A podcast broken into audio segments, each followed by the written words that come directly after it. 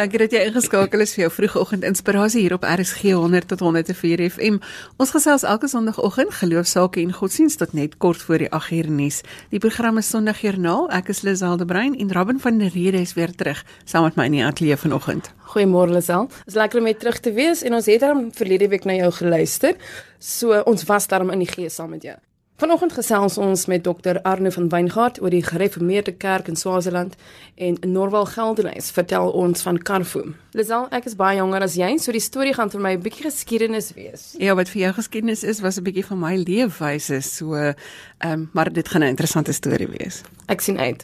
En dan hoor ons ook graag van Dominee Arno Lewenvink van die VGK gemeente op Perdaasdorp oor die een woord van die twee gemeentes op die dorp. En ek gaan ook om ons program hier af te gesluit gesels met Dr Stefan Jubber oor geestelike intelligensie. Daar is 'n kort opsomming van ons program op ons Facebookblad. Jy gaan soek vir Sondagjoernaal met 'n koppelteken en jy sal dit daar kry. Jy kan ons ook SMS by 45770 en dit gaan jou R1.50 kos. Ons is ook op DStv se audiokanaal 813.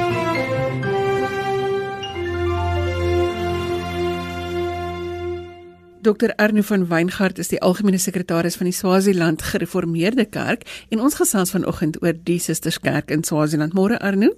Hallo Lisel. Julle gemeente het die visie om die hande en die voete van Christus te wees in die gemeenskap rondom julle kerk in Swaziland. Vertel ons waarmee julle besig is.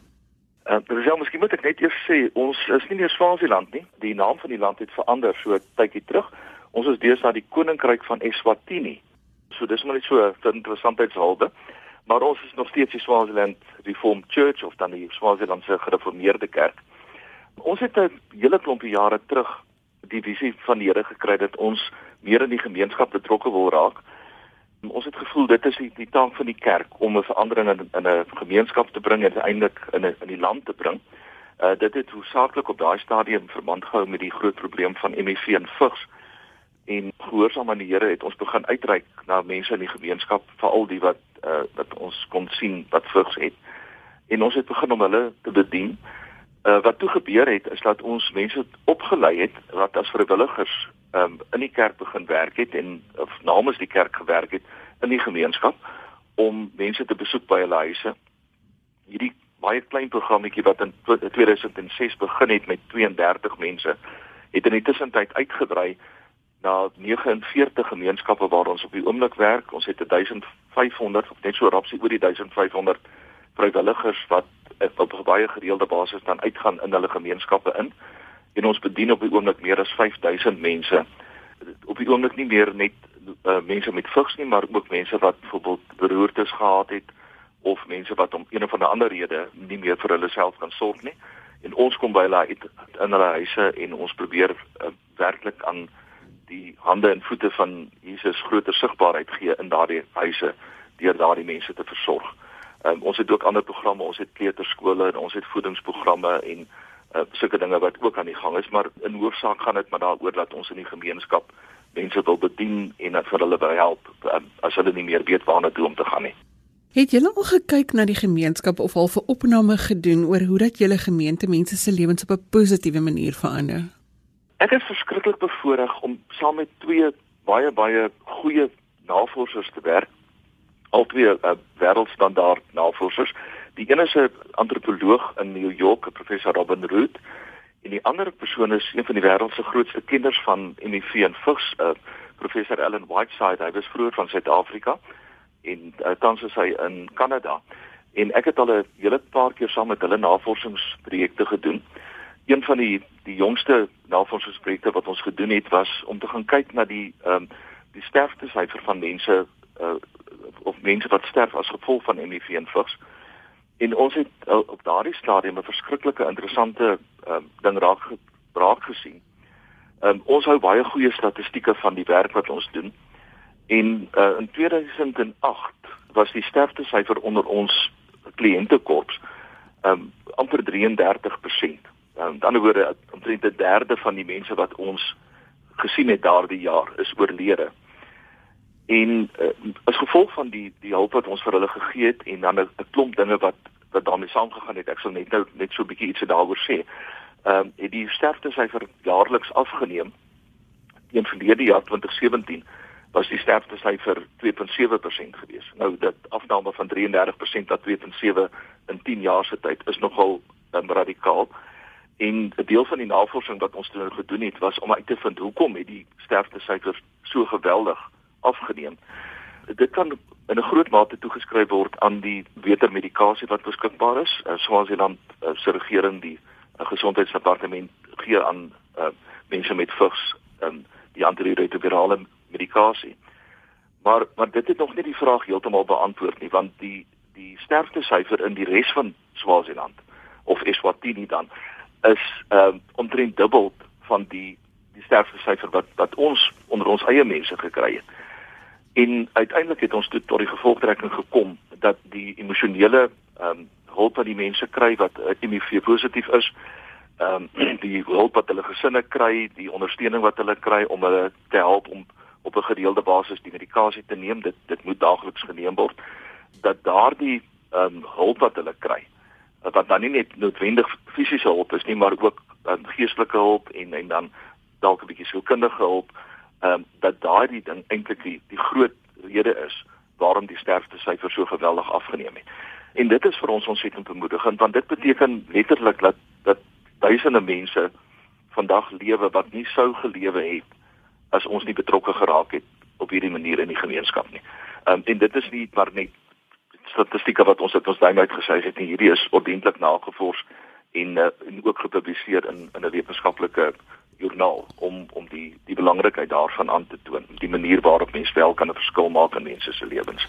Dit gebeur mos dat daar altyd 'n storie is wat help om te vertel watter impak die werk het. Het jy so 'n storie om met ons te deel oor iemand se lewe wat grond van julle bediening verander is? Weet jy as ek nou sommer so vinnig dink, ek het eh, 'n uh, pragtige verhaal. Ons het 'n een van ons lidmate en ek gaan sy naam doen want hy is 'n is 'n wonderlike persoon. Dit sit nie Lamini. Hy was 'n lidmaat uh, by een van ons gemeentes uh, by 'n plek met die naam van Matangeni. En uh, toe ek hom die eerste keer ontmoet het daar so 'n paar jaar terug, ehm um, stel die gemeente my dan voor, maar ek kom toe agter hy's doof. Hy kan wel lippe lees, en uh, en hy kan praat, hy kan goed praat, maar hy is doof. Hy, hy het een of ander mediese prosedure gehad op 'n stadium en en as gevolg daarvan het hy doof geword. En uh, maar sit nie was elke Sondag in die kerk. En uh voor in die kerk gesit en en as ek preek, het hy my gevolg en hy het na die tyd het ons baie keer gepraat oor die preek en dit was duidelik dat hy my verstaan het. Nou daar het 'n paar dinge gebeur as gevolg daarvan. Die een was dat die die gemeente het toe begin 'n sensitiwiteit ontwikkel rondom mense met uh, een of ander gebrek, een of ander liggaamlike fisiese gebrek uh, wat wat hulle voorheen nie gehad het nie. Maar mense wil dit graag hê. Wil graag sien dat 'n 'n gemeente mense akkommodeer. Maar as jy nie gekonfronteer word met die realiteit van so 'n persoon nie, is dit nie altyd maklik nie. Maar wat toe begin gebeur is dat hulle sê maar uh, ons moet ons gemeente begin vriendelik maak vir vir hierdie tipe mense. Nou een van die dinge wat hulle gedoen het was om 'n 'n oprit te bou dat as daar mense met rolstoele byvoorbeeld in die kerk sou wou inkom, dat hulle ehm um, nie nodig het om by uh, die trappe op te gaan nie, maar dat hulle by 'n ehm um, hierdie oprit die, die rolstoele sou kan instoot.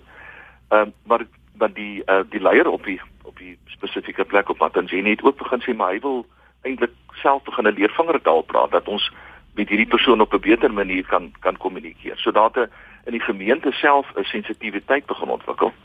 Maar die sit nie op 'n stadium ons het probeer uitvind of ons hom nie kan um, help op 'n mediese vlak nie. En uh en toe besef dit dit gaan waarskynlik nie kan werk nie. Uh, hy moes 'n cochlea uh, implanting kry en dit sou ons 'n paar honderd duisend rand kos en ons het dood eenvoudig nie die geld om daai uh, vir daai operasie te kan betaal nie ehm um, alhoewel 'n spesialis het aangebied om het, om die werk gratis te doen, maar die al die ander dinge moes nog voorbetaal word. So ons het dit toe nou nie uitgewerk nie. Maar sit nie kontak my 'n stadium te sê vir my hy wil gaan hy gaan begin met ehm um, opleiding om te swys. En hy nou plek toe gegaan in Klangano, ook daar in Eswatini en hy het begin 'n klas geloop en na so 'n jaar het hy sy kursus voltooi en uh, toe wil hy begin om 'n klein besigheid aan die gang te kry. En ek het gaan dink oor die ding en ek dink toe maar kan ons hom nie help nie. Ons het uiteindelik vir hom 'n swysmasjien gekoop met 'n klompie ander apparaat en hy is nou aan die gang. Hy maak dat die wering en hy maak hekke elke nou en dan stuur hy vir my 'n foto van 'n 'n nuwe hek wat hy gemaak het of nuwe die wering wat hy gemaak het. Ehm um, en hy's nou besig om vir homself te sorg. So ten spyte van sy gehoorgebrek het hierdie man eenvoudig uitgestyg en het hy ehm um, homself laat oplei en het hy is hy besig om 'n florerende klein besigheid aan die gang te hou sodat hy vir homself kan sorg. En dit is die tipe dinge dink ek wat vir my werklik moed gee van 'n plek waar die kerk ehm um, miskien op 'n baie klein vlak in in iemand se lewe betrokke kan raak, maar 'n geweldige verskil kan maak in so 'n persoon se lewe. 'n Storie wat mense hart warm maak oor waar geloof 'n verskil maak. Erno baie dankie vir die samestelling vanoggend. Baie dankie Lisel vir uh, seën vir julle ook hoor. En so gesels dokter Arno van Weingart daar vanuit Swaziland wat nou ook nie meer Swaziland is nie. Goeiemôre as jy nou net ingeskakel het. Jy luister na Sondagjoernaal waar ons geloof en godsdiens gesels op RSG 100 tot 104 FM. Die kerkergies op Stellenbosch het onlangs 'n fliekoggend gehad en as jy nou vanoggend weet wat die woord karfo beteken, dan kan jy gerus vir ons SMS om jou herinneringe met ons te deel. Hier by ons in die ateljee is Norwel Geldenhuis, die seun van Dominee Norwel Geldenhuis, wat hierdie jaar sy 100ste verjaarsdag sou vier. Dominee Geldenhuis het 'n groot rol gespeel in die totstandkoming van die Christelike Afrikaanse rolprent fotografiese organisasie. Môre Norwel? Goeiemôre Lisel, dankie vir die voorreg. Gee eers gou ons agtergrond. Wie was jou pa en hoe het hy by die filmbedryf betrokke geraak? Ja, my pa, Lisel, is in 1918 gebore op die plaas Eureka in die Vrede Distrik in die Oranje Vrystaat op 8 jarige ouderdom het hy geglo hy die roeping ontvang om predikant te word. Hy het tuisonderrig by sy ma Mabel tot uh, standaard 4 ontvang en daarna op 16 jarige ouderdom gematrikuleer in Vrede. Hy het 'n BA graad in Pretoria in 1937 behaal en toe die Elsie Ballot beurs gewen om in Cambridge, Engeland verder te gaan studeer. In 1939 moes hy egter terugkeer na Suid-Afrika met die uitbreek van die Tweede Wêreldoorlog. Hy was hierna een van die eerste 5 teologiese studente by die nuwe Universiteit Pretoria Teologiese Fakulteit. In 41 het hy met my ma Alida van Jaarsveld getrou en sy sou ook vir jare 100 gewees het. My pa publiseer toe in 1942 sy eerste van sowat 2 dosyn boeke en in 44 word hy hulpleraar by NG Gemeente Pretoria Noord. In Amerika in die tyd het my pa navorsingswerk in verband met godsdienstige rolprente gedoen en die eerste groep uitgesoekte Christelike films vir gebruik deur die CSV laat invoer. In 1947 dien hy as sekretaris van die CSV op Stellenbosch en daardie jaar 1947 ook 'n skarfo gestig deur 23 NG predikante om die evangelie uit te dra met goeie Afrikaanse rolprente. Dominee R.J. Raad, die eerste bestuurende direkteur van Carrefour, het die land deur kruis en 200 000 rand ingesamel waarmee gebou gekoop en personeel aangestel is. Die rolprente wat my pa uit Amerika vir die CSV ingevoer het, is later ook oorhandig aan Carrefour. Um, in 1949 kry my pa toe die aanstelling as publikasiehoof van NG Kerk Uitgewers in Kaapstad. In 1954 is hy mede-stigter van Naweek Pos 'n maatskappy sonder winsmotief met 'n boekediens, toere en rolprent afdeling met as maandblad Naweek Pos. Jans Kanel, 'n ervare joernalis, was die eerste redakteur en die skryfsters Bertha Smit en Audrey Blino was ook op die redaksie.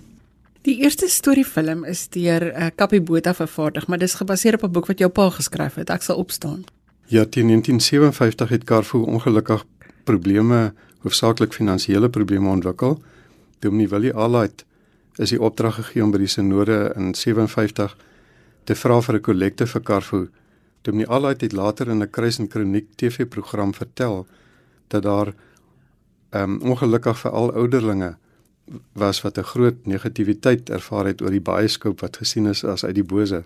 Maar Willie Alait vertel dat toe hy later met Dominee Noel Geldenhuis my pa gesels en vir hom sê dat hoe gouer Carrefour nou nek omgedraai word hoe beter was sy antwoord: "Willie, as Carrefour nek omgedraai moet word, moet die Here doen, maar nie ons nie." Carrefour het toe as ware opgestaan met die idee van storiefilms wat vertoon kon word aan gehore wat betaal om dit te sien ten einde uh, Carrefour self onderhoudend te maak. Soos jy sê, uh, Lazel is die eerste storiefilm deur Kappie Botha en sy vrou vervaardig, gebaseer op die boek Ek sal opstaan wat my pa in Amerika geskryf het net na die einde van die Tweede Wêreldoorlog in 45. Volgens Wikipedia was dit die 41ste rolprent in Afrikaans. My pa se lese was uh, Romeine 12 vers 21 oorwin die kwaad deur die goeie. Dis ook wat sy hoop was met uh, die rolprente. Norval jy self in een van die films se rol vertolk. Ja, Lisel, die Navik Pos organisasie het nou saamgewerk met Carfo en my pa het in 1960 nog 'n rolprent saam met Carfo gemaak, kyk na die sterre, wat seker sy belangstelling in die sterre kan weerspieël het, maar veral het dit sy oortuiging wat hy spesifiek in Julie 1946 gekry het by 'n studentekamp in Switserland weerspieël dat 'n mens moet wegkyk van jou eie pyn en nood en moet kyk na die sterre wat 'n mens herinner aan ons Skepper se grootheid en almag. In 1963 het my pa egter 'n rolprent vir Navek Pos films gemaak en ek as 12-jarig het die rolletjie van Herman gespeel. Ek was en is nog 'n hopelose akteur, maar na een toneel het die gesoute akteurs my daarom geprys. Ek was in die toneel van 'n stel om 'n groot noot te wees. Toevallig het ek die vorige dag so lekker geëet dat ek erge maagpyn gehad het en met die opname het ek toe regtig in die nood gelyk. My kennismaking met Carfo was deur Mema Media. Hoe het dit gebeur dat Carfo en Mema saamgesmelt het? Teen 1973 ehm um, Lisel het Carfo die eiendom van die NG Kerk geword. Dit het altesaame 14 storierolprente vervaardig. Die laaste een was Irma in 1977 waarin Brein Afrikaners die hoofrolle gespeel het. Toe kom televisie en en Carfo moes noodgedwonge saamsmelt met Mema Media en op ander genres konsentreer soos dokumentêre en kortfilms as ook televisieprogramme soos 'n uh, Kruis en Kroniek. Daar moet seker hier en daar 'n storie of 'n straaltjie wees oor die maak van films wat jy met ons kan deel. Hulle self by die maak van die rolprent die, die reën kom weer, was ek oud genoeg om dit volledig te belewe. Ons het die Junie skoolvakansie van 1962 soos gewoonlik by my pa se broer Hierdie se plaas naby Hartbeesfontein gekuier en daarna na my ma se broer Floors van Jaarsveld die historikus in Pretoria uh, vertrek. Dit was 'n baie droë jaar en die boere het swaar gekry. Op pad na Pretoria sê my pa toe skielik: "Hoekom maak Naweek Pos nie 'n rolprent met die naam Die Reën kom weer nie om die boere hoop te probeer gee en die evangelie te verkondig?" Net daar is ek as oudste toe afgevaardig om 'n notuleerder te wees en my pa, ma en die ander kinders se idees vir die storie neer te skryf. By hom vloers aangekom met my pa begin om 'n draaiboek gebaseer op die idees voorgestel in die motor uh, te skryf. Daar is later gereël dat die rolprent grootendeels binne 'n week geskied sou word in die September skoolvakansie op 'n plaas halfmaanshof tussen Portewil en Gouda. Akteurs wat later bekend sou word op televisie soos Lou Verwy en Pieter Breenkamp is gekontrakteer en ingeboek in die hotel op Gouda. My pa het die gawe gehad om mense lekker te laat saamwerk. Byvoorbeeld by een aandtoneel waar 'n hooimiet moes brand, het dit gebleik dat die beligting te swak was. My pa vra toe die boere van Halfmans hof vir hul hulp en gou-gou trek hulle met hul bakkies se halfmaan rondom die toneel en gee met hul hoofligte aan meer as genoeg beligting dat die toneel geskied kon word. Dr Isabel Murray, die hoofargivaris by die NG Kerk Argief in Stellenbosch, het saam met die teologie student Tiaan Pretorius wat ehm um, NG gemeente seun van Porterville waar die reën kom weer geskied is, is Hulle het reuse werk gedoen om vir ons drie oorlewende uh, kinders navorsing te doen oor my pa Carfu en Navek Pos. Een ding wat hulle tot op hede egter nog nie kon opspoor nie, is 'n kopie van kyk na die sterre. As dit dalk een van die luisteraars is wat ons kan help, sal dit baie waardeer word. Ek vermoed dat meneer Koos Mentjies wat nou saam met my pa gewerk het of dalk sy seun sal kan help. Ek het ongelukkig heeltemal kontak met hulle verloor. Ek is ook besig om 'n uh, biografiekie oor my liewe pa en ma se lewens te probeer skryf. As enige luisteraar wat my pa en ma uh, geken het, dalk iets van hulle kan onthou, kan jy dit asseblief my e-pos na Jacobus Novel. Is Jacobus met 'n K Norval geen punte nie @gmail.com. En my selfoonnommer is 083 531 3586. Normal, jy het onlangs ook 'n familiefees gehad. Dis hoekom ons al hierdie inligting so onder ons vingerpunte het.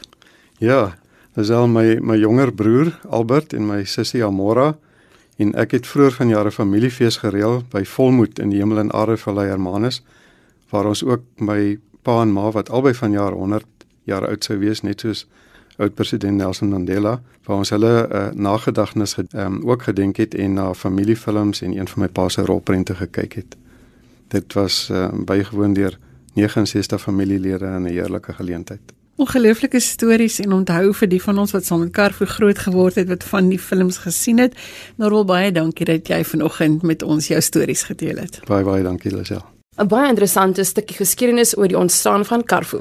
Onthou, jy kan vir Norwal 'n e-pos stuur by jakobusnorwal@gmail.com. Dit is Jakobus J A K O B U S Norwal N O R V A L een woord by gmail.com. Na aparte bestaan van 104 jaar het die NG Kerk en die Verenigde Gereformeerde Kerk op Bredasdorp besluit om 'n saamgevoegde gemeente te word.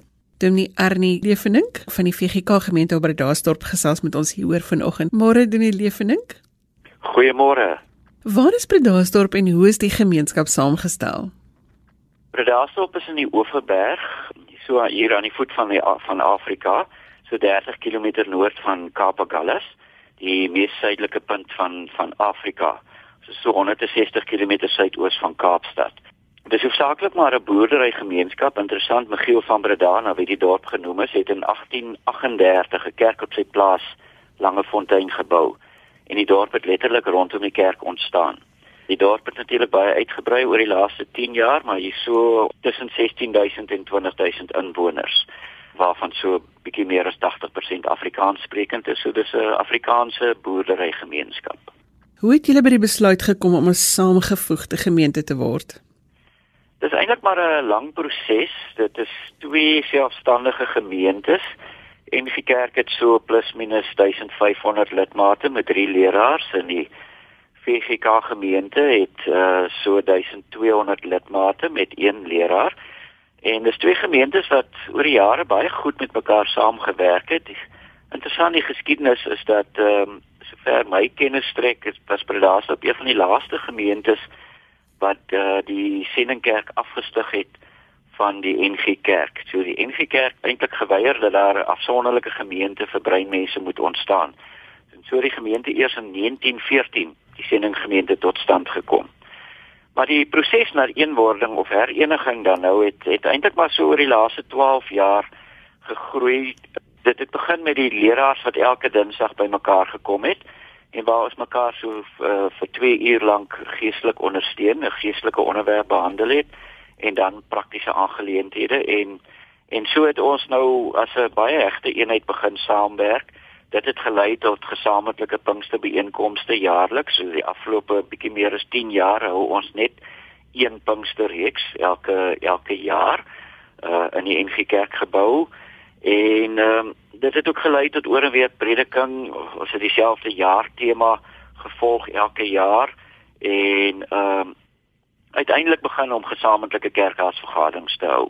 Wat is nou net eers fokus op wat is die dinge wat ons saam deel, wat is die dinge wat ons saam kan doen en dan vergader ons apart die FGK gemeente, ag FGK kerkraad op sy eie en die NG kerkraad op sy eie, maar hierdie gesamentlike uh, vergaderings het al meer gelei tot tot beter samewerking. Ons het begin met een gemeenteprogram, een gemeente Amanak waar bo net staan die Bredastop gemeente Uh, ons het 'n gesamentlike kerkkoor wat elke jaar een gesamentlike kersangdiens aanbied. Ehm um, ons het geleidelik begin met bietjie meer samewerking soos 'n gesamentlike week van gebed aan die begin van die jaar, gesamentlike lydensweek dienste net voor Paasfees.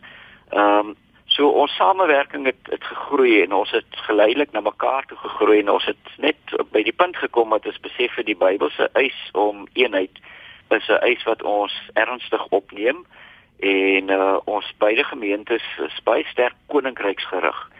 So dit gaan nie vir ons in die eerste plek oor die welsyn van die gemeentes nie, maar oor die welsyn van die koninkryk van God in Bredasdorp en en dit is maar die vraag wat ons vra. Uh wat wat is dit wat die Here van ons vra? Wat is dit wat die Here wil hê wat hier in Bredasdorp moet gebeur? So ons het geleidelik tot die besef gekom dat ons saam hoort en dat dit nodig is dat ons nie soseer verenig nie maar weer herenig weer een moet word soos wat dit moet wees. Wat is die rol wat die geloofsgemeenskap in die gemeenskap speel? Eintlik wat die die kerk hoe staan hulle in die gemeenskap by? Volgens my gevoel uh redelik sterk. Die die die kerk speel 'n baie sterk rol nog hier in die gemeenskap. Eredienste word baie goed bygewoon in beide gemeentes. En natuurlik is daar uh, is daar mos nou maar 'n groot uh, versorgingsdeel wat wat wat vanuit die kerk gedoen word waar mense geestelik versorg word maar ook pastoraal versorg word en uh maar die kerk is hier nog soort van 'n uh, ankerpunt waar waar waar ehm um, wat mense bymekaar bring en wat mense ehm um, hoe kan ek dit nou stel hoop en en en vastigheid gee. So julle is basies dis nou een gemeente met vier predikante wat net twee kerkgeboue het. Hoe gaan die pad vorentoe lyk met hierdie samewerkingsooreenkoms? Goed, ons het nou ons het nou amptelik uh, 'n saamgevoegde gemeente geword, maar eintlik in praktyk verander daar op die, op die oomblik baie min. Dit wat ek beskryf het, die pad wat ons tot hier toe geloop het, is 'n pad wat ons nou net eenvoudig voortsit. Al wat nou eintlik maar verander het is dit uh, ons is nou een kerkraad met een voorsitter en ehm uh, die voorsitter uh, kom te loops uit die ou uh, eh, VG Kerk en die ondervoorsitter uit die NG Kerk en ons gaan so 'n bietjie ons taal gebruik verander. Ons praat nou van die Bredasdorp gemeente. Ons praat nou net van ons nie meer ons en hulle of ons en julle nie. Uh, maar ons eredienste gaan voort soos normaalweg want dit is maar dinge waaroor mense sensitief is. Ek is in die kerk gedoop en ek wil nie hoe nou wil julle my in 'n ander kerk indwing en daai tipe van gesindhede wat 'n mens sit dikwels by by mense kry wat wat ons voel maar ons eredienste is in plek. Ons gaan niks daar verander nie. Ons het basies vier eredienste. Dit is die twee dienste in die oggenddienste in die NG kerkgebou en in die VG kerkgebou. Dan is ook 'n jeugdiens wat ook al vir die afgelope 2 jaar gesamentlike jeugdiens is met kategese direk daarna. So dit is vir beide gemeentes gesamentlik. Ons het nie meer afsonderlike kategese nie en dan het ons 'n aandiens waar ons een van die Pinksterkerke se kerkgeboue hier uh vir mense wat ver van die kerk af woon. Uh so ons gaan met die eredienste normaal voort. Ons gaan met ons buitewyke, ons plaasdienste normaal voort. Uh maar daar is 'n 'n groter samewerking. Ons wissel die eredienste tussen die vier predikante op 'n gelyke grondslag. So ons is nie meer primêr NG en VG predikante nie, ons is predikante van die gesamentlike gemeente. Uh ons weet nie presies waar ons gaan uitkom nie, maar ons is opgewonde oor die pad vorentoe. Dis 'n dis 'n geloofspad, dis 'n geloofstreef wat ons gegee het en ons is regtig opgewonde. Beide kerkrade staan 100% agter ons. Daar is nie verdeeldheid oor die pad vorentoe nie en almal is opgewonde en voel dat hier eh, dat dit 'n geestelike stap is wat ons geneem het wat ook goed is vir die dorp uh ook van die ander kerkgenootskappe die Pinksterkerke en die Anglikaanse kerk en die ander kerke met wie ons saamwerk nou samewerking het uh, is opgewonde oor dit wat gebeur het tussen die NG Kerk en die VG Kerk. Die Milieuvening julle het gaan saam sit om 'n tafel en julle het mekaar in die oë gekyk en julle het begin om dinge saam te doen. Wat is die positiewe boodskap wat jy hierdeur vir die res van die land kan gee waar samewerking byvoorbeeld nog nie op die tafel is nie? Vir my is dit net maar belangrik dat uh, uh geloof bring mense bymekaar en ons is almal ons deel almal een gemeenskaplike geloof en dit kan dit is moontlik om uh nie net met mekaar saam te werk nie maar ook uh 'n pad van eenheid te begin loop. Dis 'n lang proses, dis 'n lang pad. Uh soos ek sê, ons kom oor oor 'n tydperk van omtrent 12 jaar. Ons het gehoop om al 4 jaar gelede met ons gemeente se 100-jarige viering een te word, maar daar is sekere struikelblokke wat nog uit die pad uh, geruim moet word, moes word. Maar my boodskap vir die res van die van die NG Kerk en VG Kerk is dit kan gedoen word. Dit is moontlik as ons begin saamwerk en en en met mekaar begin praat en mekaar leer ken dan is dit moontlik om by die punt te kom waar ons kan sê uh, die kerk van Jesus Christus is een en ons moet dit as 'n een eenheid saam vorentoe loop. Met die regte gesindheid. Baie dankie vir die saamgesels vanoggend en sterkte met julle verenigde pad vorentoe. Baie dankie, dit is 'n groot plesier. Ons het gehoor van die gemeentes op Redaarsdorp se een woord proses. Jy luister na Sondagjoernaal vir die wat sopas by ons aangesluit het. Ons gesels met mense oor hulle leefwêreld en hoe geloof 'n verskil maak. Jy kan saamgesels op ons SMS-lyn by 45770 teen R1.50 per SMS of gaan los vir ons se boodskap op Sondagjoernaal se Facebook-bladsy. Jy sal sommer ook ons gaste se detail daar kan kry. Om hier af te sluit, gesels ons met Dr. Stefan Joubert oor geestelike intelligensie. Dr Stefan Jubber is deeltydse professor by die Universiteit van die Vrystaat en hy is ook 'n kerkkonsultant en ook verantwoordelik vir die E-kerk. 'n hele paar piene ingeslaan op verskillende plekke en ons gesels vanoggend oor geestelike intelligensie. Goeiemôre Stefan. Goeiemôre Lisel, dis lekker om saam te kuier. Stefan, ons hoor so baie van mense wat sê die Here het nou hierdie ding oor my gebring wanneer hulle trauma beleef of die Here stap nou met hulle 'n pad hierdeur en hy het nou toegelaat dat dit nou gebeur. My vraag vanoggend is, kan ons hierdie goed aan die Here toeskryf? Weet jy Lisel, dit is 'n baie interessante ding wat gebeur het met ons dat ons meer 'n Griekse godsbeskouing ontwikkel het as 'n uh, kan ek nou maar sê 'n Nuwe Testamentiese godsbeskouing. Ek het ook groot geword met hierdie idee van as jou streepie getrek is, is hy getrek, wat moet gebeur sal gebeur daar's 'n doel met alles, jy sal later verstaan al hierdie soort uh, klisjées. En elke keer as ek die Nuwe Testament lees, dan kry ek net gewoon niks daarvan nie. Maar as ek in die kerk kom, dan sê almal dit. As daar iets slegs gebeur, die Here wil vir my iets leer, maar niemand leer ooit iets nie. Uh en nou moet die Here slegte dinge laat gebeur om mense lesse te leer. Dan kyk ek na die Nuwe Testament, dan sien ek maar maar God sê die kruis van Jesus is die les en ons as dit nie verstaan nie, vir niks help nie. En uh toe kom ek al agter maar God is 'n Vader en dan dink ek myself ek is ook 'n pa en ehm um, ek het nie nodig om my kinders slegte dinge te laat gebeur om hulle vir my lief te maak nie. En ek dreig ook nie my kinders af met ehm um, seer kry of met lekker goed om my lief te hê nie. So ek het nie so 'n ding dat ek vir my kinders sal sê jong die kind wat nou die meeste na my luister hierdie week ek gaan vir jou die liefste wees. Of um, ek gaan seer kry dinge oor jou laat kom sodat jy 'n beter kind van my kan wees nie. Maar ons dink um, blindelings dat God dit doen en en toe ek my my my kop 'n bietjie gaan krap en vir myself gevra waar kom Christene in al hierdie goeters dat um, as slegte dinge gebeur wil die Here nou met hulle praat? Ek ek onthou my ouma voorbeeld ook altyd gesê die Here praat nou weer hard met ons as daar nou 'n droogte is of as daar nou weer iemand dood is. En toe gaan kyk ek bietjie in die Griekse mitologie en toe kry ek dit by die ou groot Griekse skrywer Homerus en in die Griekse mitologie is daar selfs drie godinne wat die noodlot beheer, uh die Moirai. En een van hulle het dis interessant die simbole waarmee hulle voorgestel word. Die een het 'n weefstok, sy weef almal se lewe, sy besluit hoe lank mense lewe. Kloto is haar naam. Dan is daar 'n tweede ene met 'n uh, liniaal, sy meet hoe lank is mense se lewe. Uh en dan is daar 'n derde een met die naam Atropos, sy te sker, as hy sê mense se lewe af as jou streepie getrek is. So eintlik sit meeste gelowiges opgeskep met 'n Griekse mitologiese idee van God. Uh en dink glad nie aan God as 'n Vader nie. Die die interessante is dat ehm um, die noodlot dis glad nie in die Nuwe Testament funksioneer nie, maar dat die Nuwe Testament relasioneel dink oor God.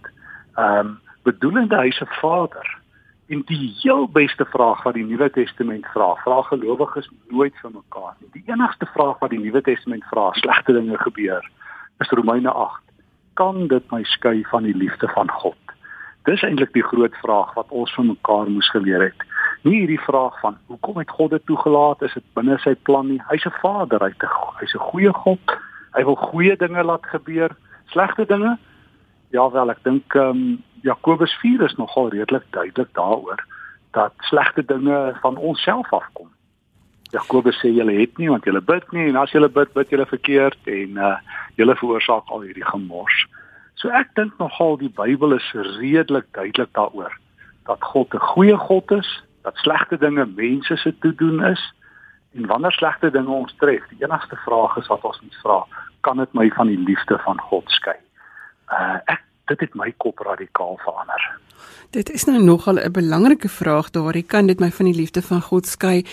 Ja. Want ek vermoed mense wil aan iets vashou om ja. deur die trauma te kan kom. Dit is hulle manier ja. om dit te verwerk om te sê dit is nou ja. buite my beheer, maar dit maar maar dit is binne God se beheer en en, en ek gaan nou hier deurkom. Hoe moet ons daaroor dink? Dis presies dit. Ons almal um, ek het nogal agtergekom met my belangstelling in die brein. Ek het so 'n bietjie belangstelling in neurowetenskap. En ons brein is is 'n betekenisskepende uh, orgaan. Die Engelse woord 'n meaning making machine. Ons brein probeer kolletjies konnekteer.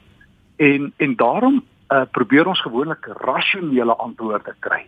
Ehm um, redelike antwoorde, maar die Bybel gee 'n relasionele antwoord.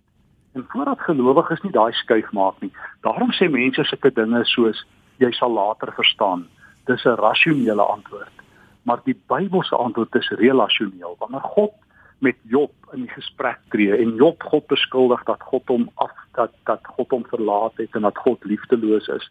Ek bedoel Job gaan so ver in Job 16 en Job 19 om God sy vyand te noem en God sy teenstander te noem en selfs vir God te sê hy speel nie meer volgens die reëls nie. Dan is dit interessant dat God se antwoord uiteindelik relasioneel is. Uh hy ontmoet hom soos 'n vader en dan kom Job tot rus. So ek dink ons moet 'n bietjie ons brein ook 'n bietjie aanhelp deur uh, vir onsself te sê um uh God skop my nie uh, rasionele aan maar hy sal vir my altyd 'n relasionele teenwoordigheid gee. Miskien moet jy vir ons relasioneel net 'n uh, ja. ander woord voorgee, vertaal dit net Seker. vir ons vir 'n vir 'n voetselvlak ja. verstaan? Seker. Ek dink relasioneel beteken God sê ek is in verhouding met jou. Ek is jou vader. Ek sal jou nie in die steek laat as jy deur die stormsee stap. Ek gaan jou nie los as dit swaar gaan nie. So God waarborg sy teenwoordigheid, die relasie, die verhouding met hom. Dit is die antwoord wat hy gee. En En weet jy, uh, wel, dis ook die antwoord daai van Paulus in Romeine 8 dat um, niks my van die liefde van God kan skei nie. Paulus gaan dink aan elke moontlike ding, swaar kry, sonde, die dood, boosheid. Hy sê, maar hierdie God uh, verbind hom aan ons vir tyd en ewigheid. En en dit beteken dat ek dus as ek dit snap, stel ander vrae moet vra. Uh en dat my vrae nie die soort vrae moet wees waarmee ons almal gebombardeer word uh wat wat rasionele antwoorde probeer gee. Um, en my interessante waarneming is ook dat selfs nie gelowiges ook hierdie vrae vra en dat selfs hulle antwoorde wat rasioneel is, hulle nie help nie. En daarom moet ons as gelowiges sekerlik ook nie in dieselfde slaghuiser trap nie. Sal dit nou voor op die waarwees om hom te sê dat daai vraag nou eintlik klaar geantwoord is. As ons kan vra sal hierdie ding my van die liefde van God skei, is eintlik klaar geantwoord want hy sê niks sal tussen my en jou kom nie. Presies. So die vraag wat God wil hê ons moet vra, het hy self geantwoord.